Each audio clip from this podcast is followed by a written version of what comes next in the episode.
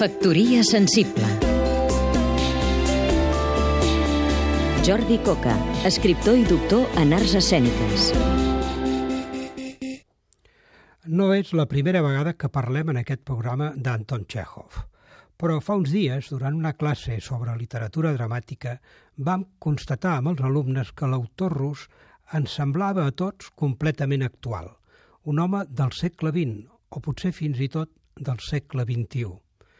I tanmateix, va néixer el 1860 i va morir l'any 1904.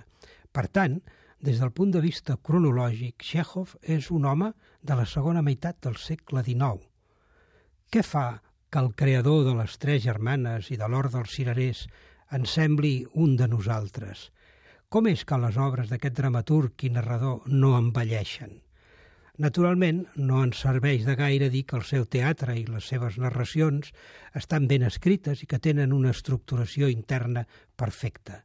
No és això el que ens les fa sentir properes, ja que el repertori clàssic és ple de textos igualment ben fets i que, en canvi, ens semblen remots i gairebé inaccessibles. Potser la raó de la profunditat i la proximitat del teatre de Chekhov és senzillament que parla dels nostres problemes amb un llenguatge que ens és clarament entenedor.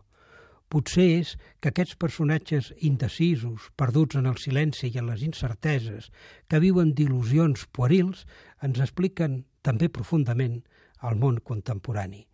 Un món que, malgrat la informació constant, en el fons ens acaba remetent allò que no sabem, als dubtes i a les inseguretats.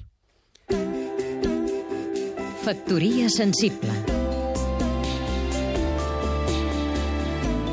Seguim-nos també a catradio.cat